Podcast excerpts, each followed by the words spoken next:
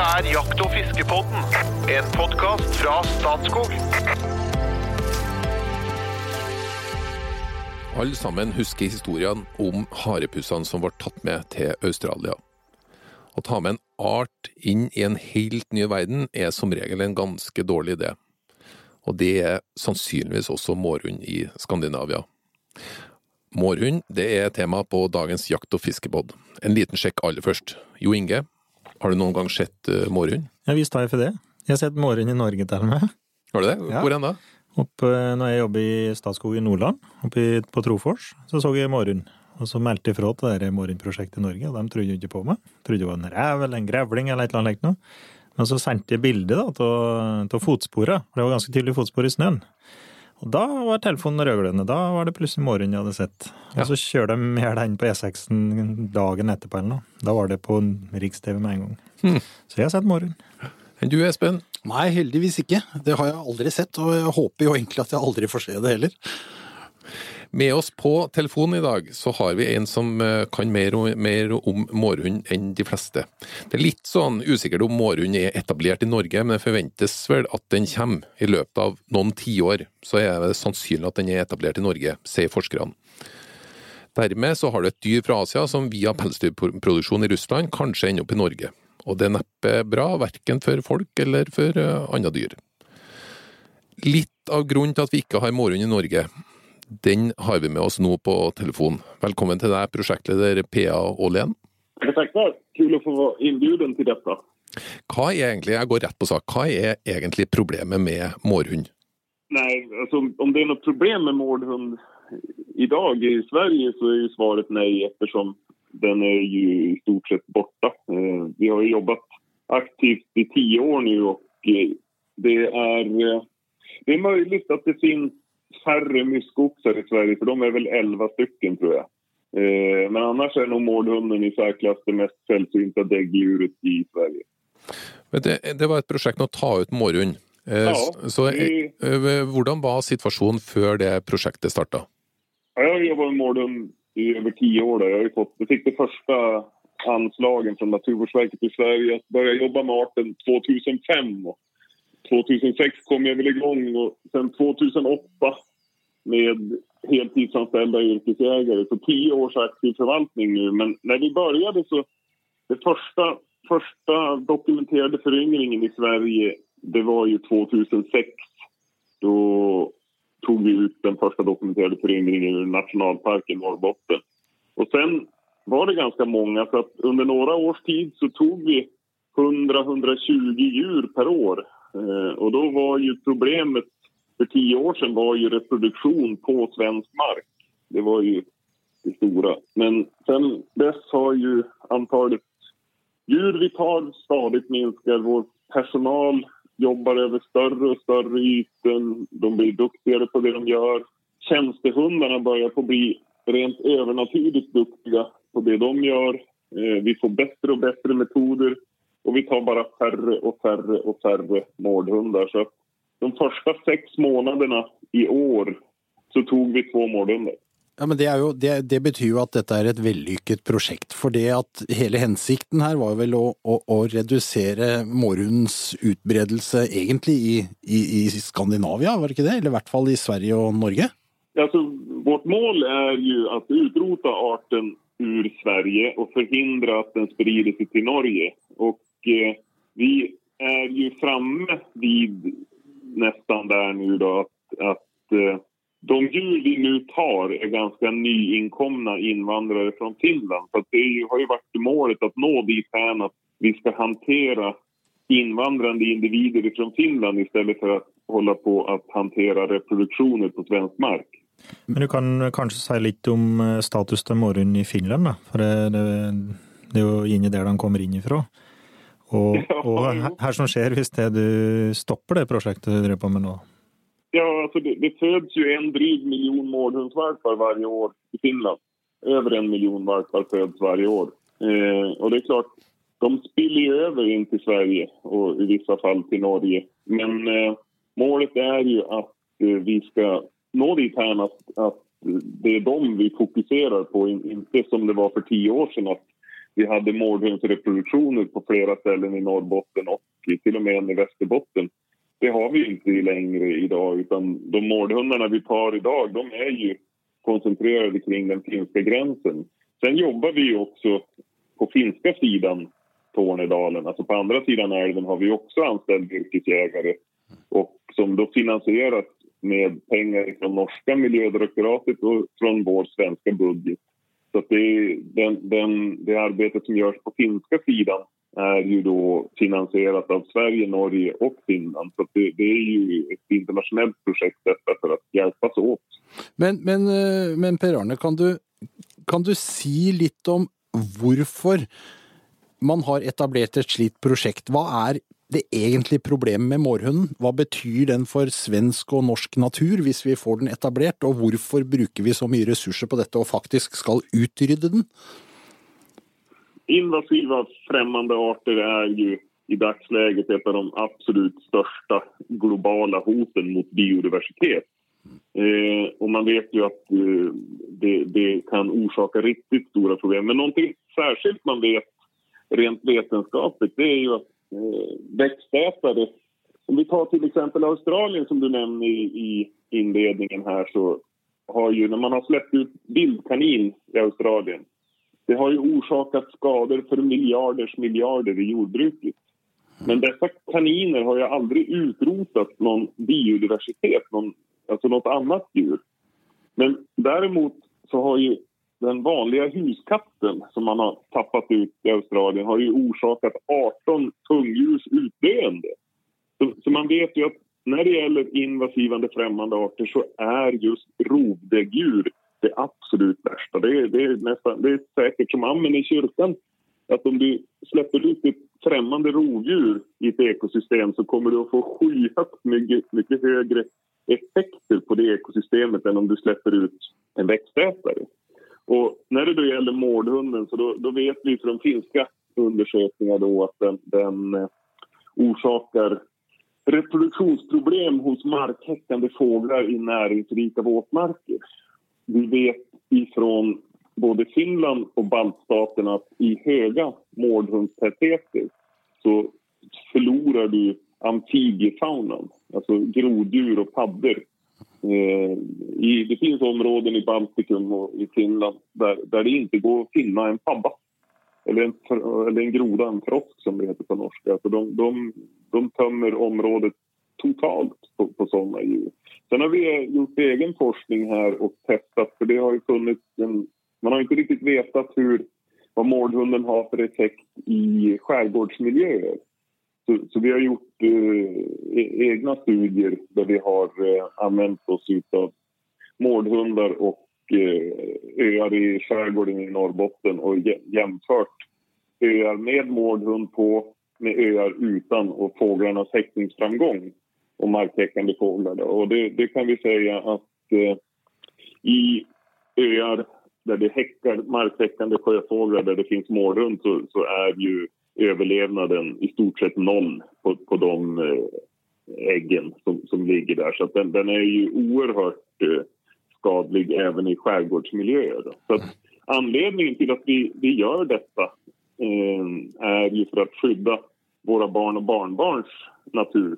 För, för jag menar, om vi bara släpper allting nu det kan ju dröja 40-60 år innan vi når såna tätheter att det får de här stora konsekvenserna. Men om vi väntar 60 år med att göra någonting åt mårdhunden då går det ju heller inte att göra någonting. Eh, det, det, är ju bara nu det går. Man, man ska ju vara tidigt på om man ska lyckas med sånt här. Har inte mårdhund några naturliga fiender? Nej, alltså mårdhunden är ju en, en, jag brukar säga enkelt förklarat en, en vattenlevande räv, alltså en, en halvakvatisk räv ifrån sydöstra Asien. Den hör hemma normalt i norra Thailand, Laos, Kina, eh, Korea, Japan, de subtropiska delarna av Sibirien. Och hur den hamnade i Europa är ju att ryska biologer hade ju som uppgift att ta reda på vilka arter som lämpar sig för att släppa ut i europeisk natur för att öka pälsproduktionen i det vilda. Så att man, man fångade ju djur till pälsproduktion i Ryssland och så sen ett statligt program som släppte ut 9100 mårdhundar i de forna eh, delarna av östra Sovjetunionen. En klassisk historia med andra ord. Ja, jo, det är inte så att det var några mårdhundar som råkat ramla av en timmerbil utan det var 9100 djur som släpptes ut med mening på många, många ställen. Är det något, är det något som liknar på historien om mink? Alltså är, är det lite uh, samma historia? Ja, fast minken den, den var ju via pälsfarmningen kom den ju ut i form av rymningar. Här, här, här hade du statliga tjänstemän mm. som gick ut och släppte ut 9100 djur. Men finns, finns det något positivt med dyret? Finns, finns det överhuvudtaget något positivt med att ha mårhund i Norge, Sverige, Finland? Det är gott kött, Nej. det heter den ja. Pälsen är tämligen värdelös. Eh, du får gärna äta den om du vill, jag är inte så intresserad. jag, vet vad, jag vet vad mårdhundarna äter. Nej, jag kan inte se något positivt i en etablering av mårdhund. Det är, det är liksom ingen, det är ingen jaktlig utmaning heller. De är väldigt, väldigt lättjagade, bara man vet var de finns. Marias jakttips. Något av det som är fint med att gå på jakt, det är att du kommer väldigt nära in på levande, vilda djur och fåglar. Ett gott tips för att komma ännu närmare på är att ha en kikkert närt för handa. Är du heldig så kan du få stirra viltet in i ögonen och sneka lite på vad de egentligen har för sig där ute. Sånt blir du en bättre jägare av. Naturligtvis så kan du ha en häftig kikkert på rifla di, men en liten handkikkert runt halsen kan vara ännu snopar. Den är lätt att hanka tag i för att svepa över fjällområdena efter fågel eller artsbestämma änder och älg för du skjuter på fel type. De siste årene har også avstandsmålere blitt populære for å vurdere skuddhold, og sånne får du tak i også i enkelte kikkerter. Og det med ballistiske informasjonssystem. Det betyr korreksjon for kulebanen hvis du skal presisjonsskyte på veldig langt hold. Skittjakt! Ja, kan du, kan du si litt om hvordan eh, tar dere ut mårhund? Ja, vi har ju en stor Eh, för att hitta de här. Men jag kan säga att i kärnområdena runt finska gränsen där, där har vi stora områden som är så kamerabevakade att i ehm, en må, ett mårdhundspar kan inte etablera ett hemområde i det här området utan att det finns minst en kamera i deras hemområde. Och till de här kamerorna har vi då lockmedel som, som lockar dem fram för att få bild på dem. Eh, utöver det så har vi väldigt viktigt system är ju då allmänhetens tips och framförallt jägares tips. Eh, om mårdhundarna använder sig av latriner som inget annat djur gör i Europa. Så att, eh, om, vi, om någon ser en mårdhundslatrin, det vill säga en, en kvadratmeter stor hög med rävskit ser ut som. Det, så fort någon, man ser det där så inser man att det där hör inte hemma i europeisk natur. Om vi får ett tips på en sån, då är vi hundraprocentiga. De mårdhundarna är döda. Om vi får ett tips som är eh, troligt på, när någon har sett två mårdhundar, då betyder det att då är det ett par. Då är vi också hundraprocentiga. Eh, när vi får ett tips så följer vi upp det, om det är trovärdigt, med att vi börjar mata i området med fisk.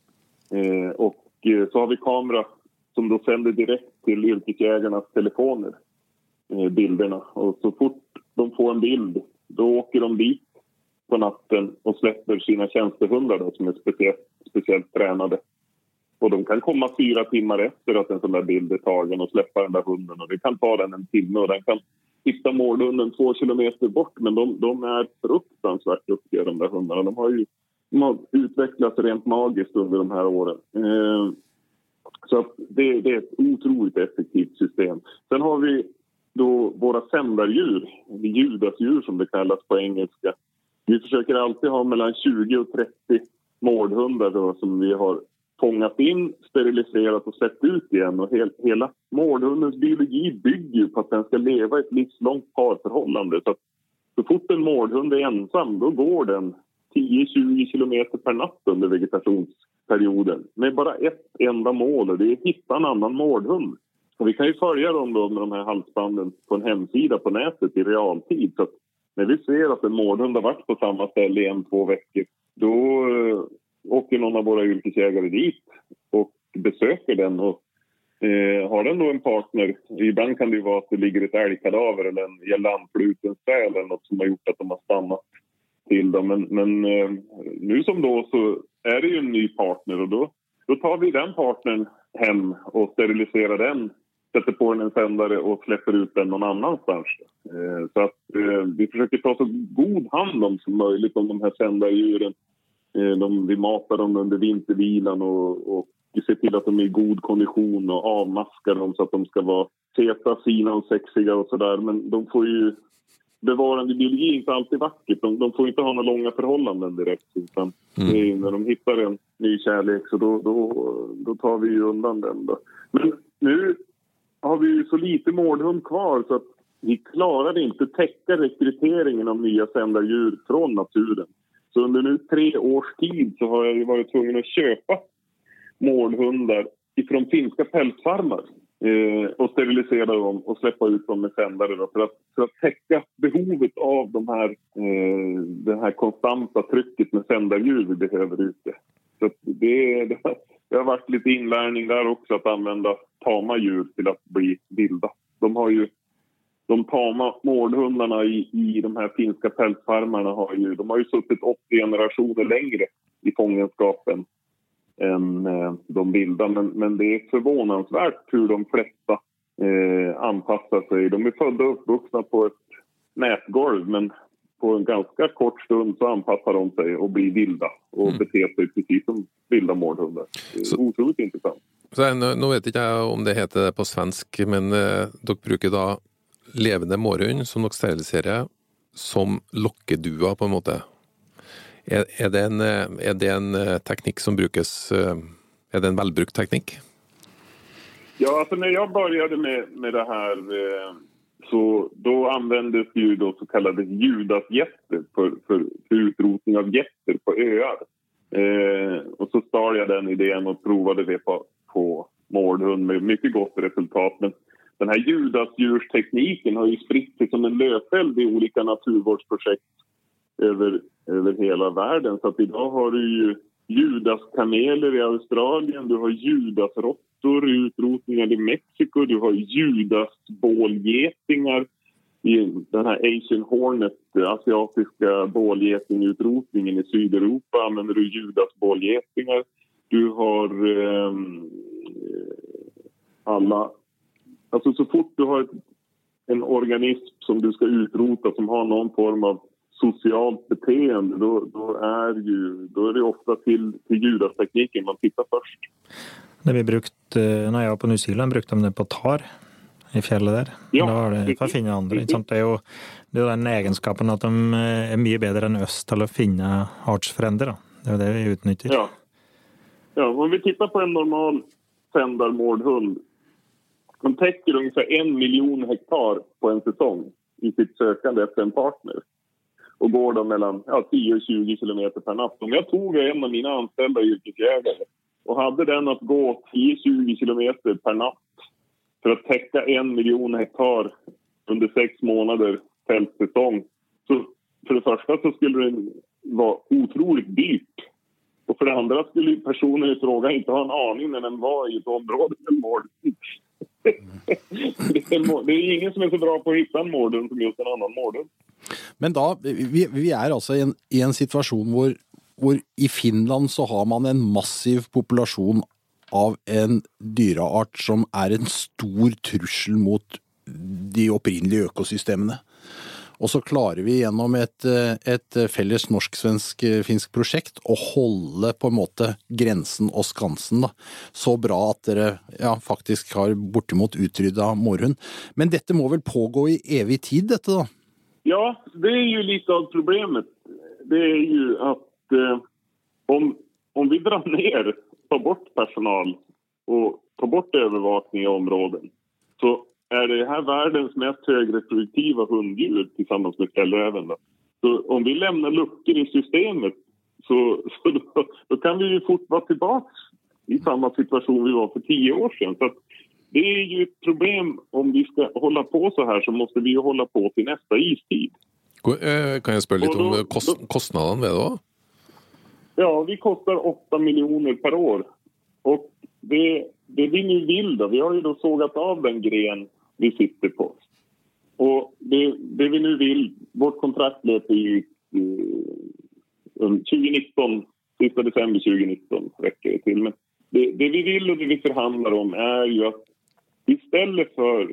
Alltså under de här tio års tiden så har vi byggt upp en otrolig kompetens hos de här yrkesjägarna. Eh, de är ju fruktansvärt duktiga. Det är egentligen ingen skillnad på en yrkesjägare och en rörmokare. Eh, en rörmokare som har jobbat i tio år är ju förhoppningsvis skickligare än en, en som har eh, nyss börjat. Så det har byggt upp en stor kompetens hos dem. Och vi önskar ju då att istället för att nu när vi har tagit bort mårdhundarna till, till den absolut största delen. Att istället för att dra ner budget och avskeda personal det är också en konstig signal att avskeda. Nu har du gjort ett sånt bra jobb så att nu, nu blir du avskedad.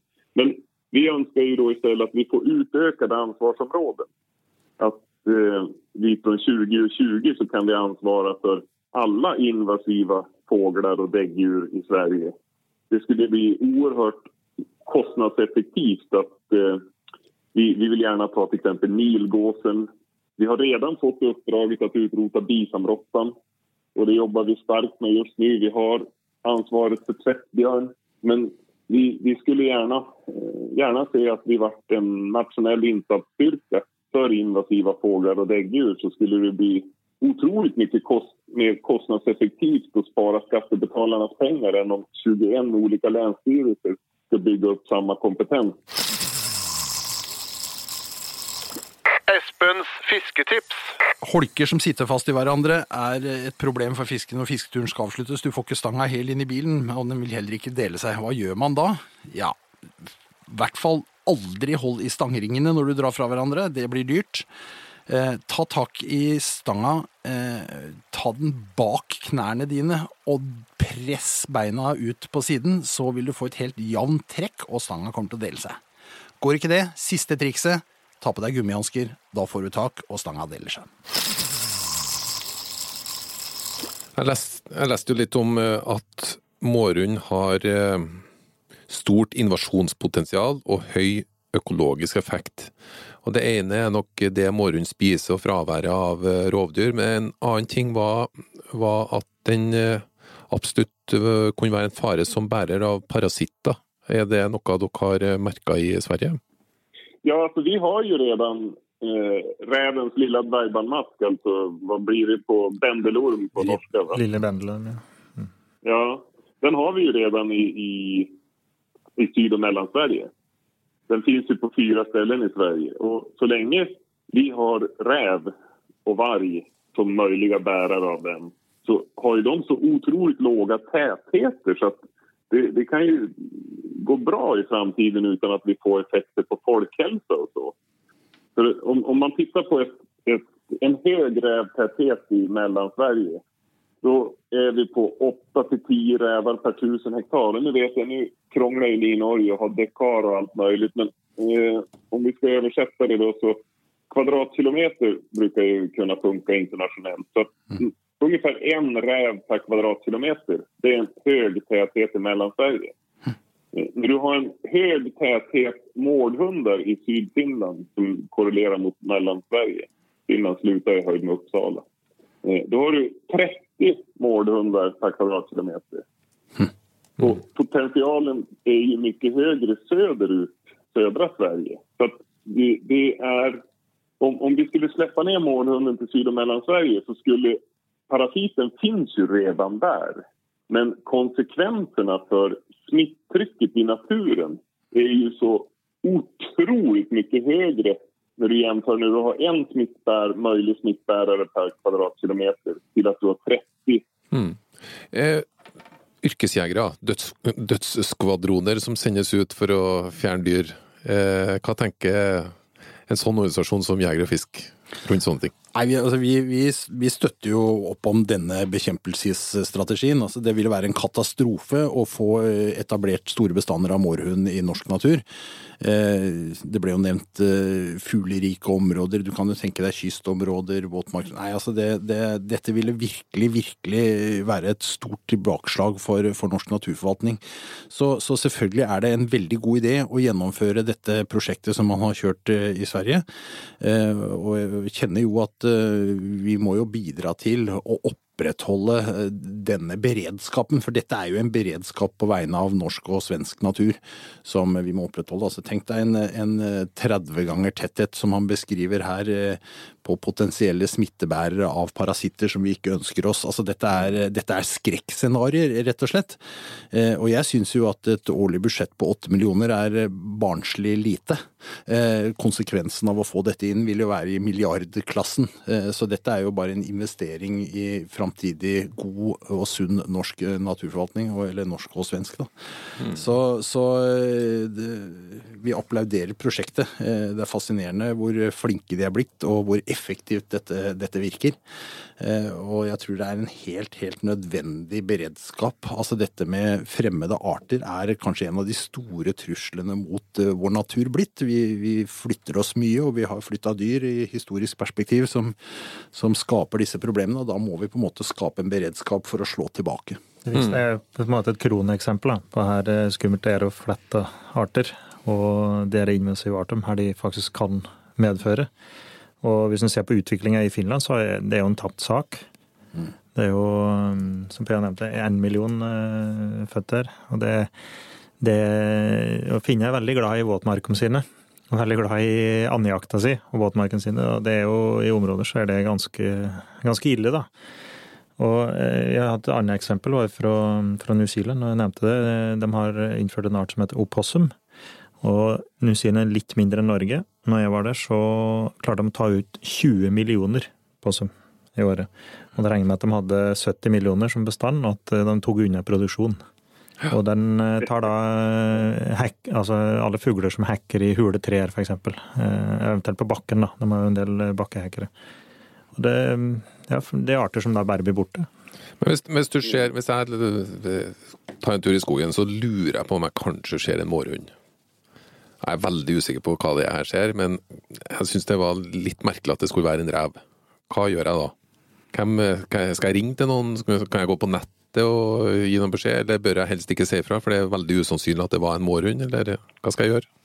Når du tenker i Norge, så, så har vi jo en vakttelefon, da. Eh, altså, eh, det er jo personalet i Miljødirektoratet som jobber med mårhund. Mens eh, ja, det kan, i Sverige kan du si hvordan det fungerer der. Ja, vi, vi har ju en, en eh, dygnet runt bemannad telefon för, för sånt eh, i Sverige. Då.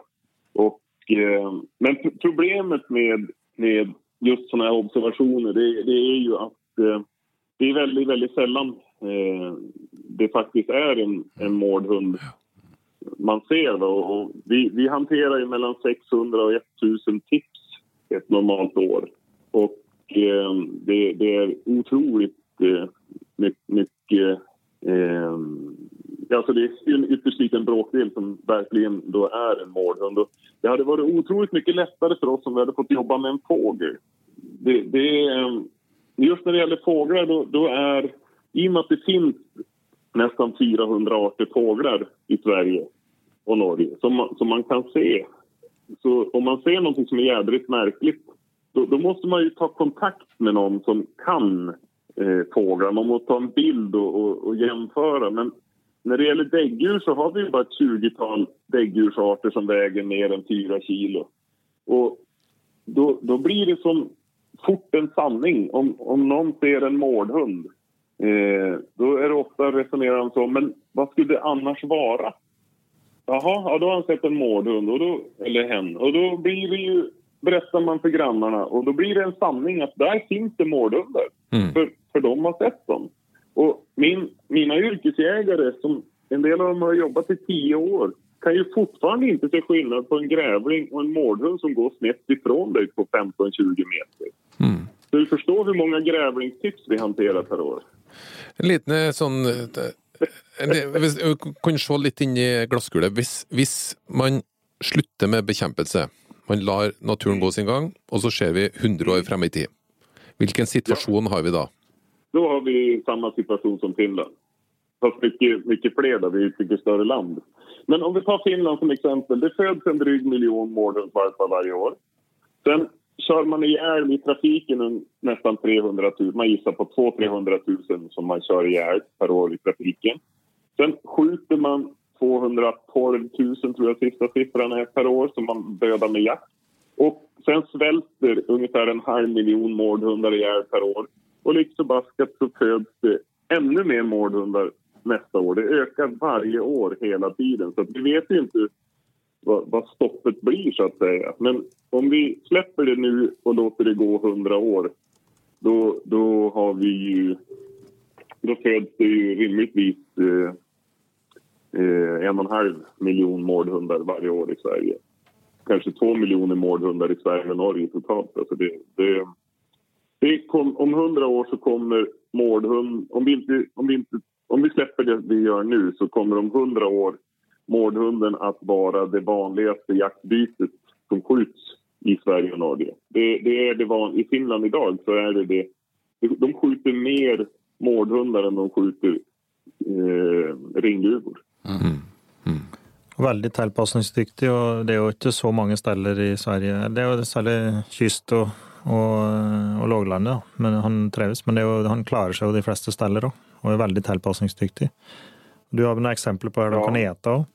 Ja, de, de äter ju precis allt. Alltså, jag har jobbat som biolog i 20 år men jag har aldrig mött en sån obskyr omnivå som... Alltså, den, den äter precis, precis allt. Alltså, från plastpåsar och läderkläder till fettblandad sand och, och sopor till bär, fåglar, alltså allt. Det, det finns i stort sett ingenting den inte kan äta. Och det här är ju ett problem med mårdhunden i och med att den, den har en sån extremt bred födoval.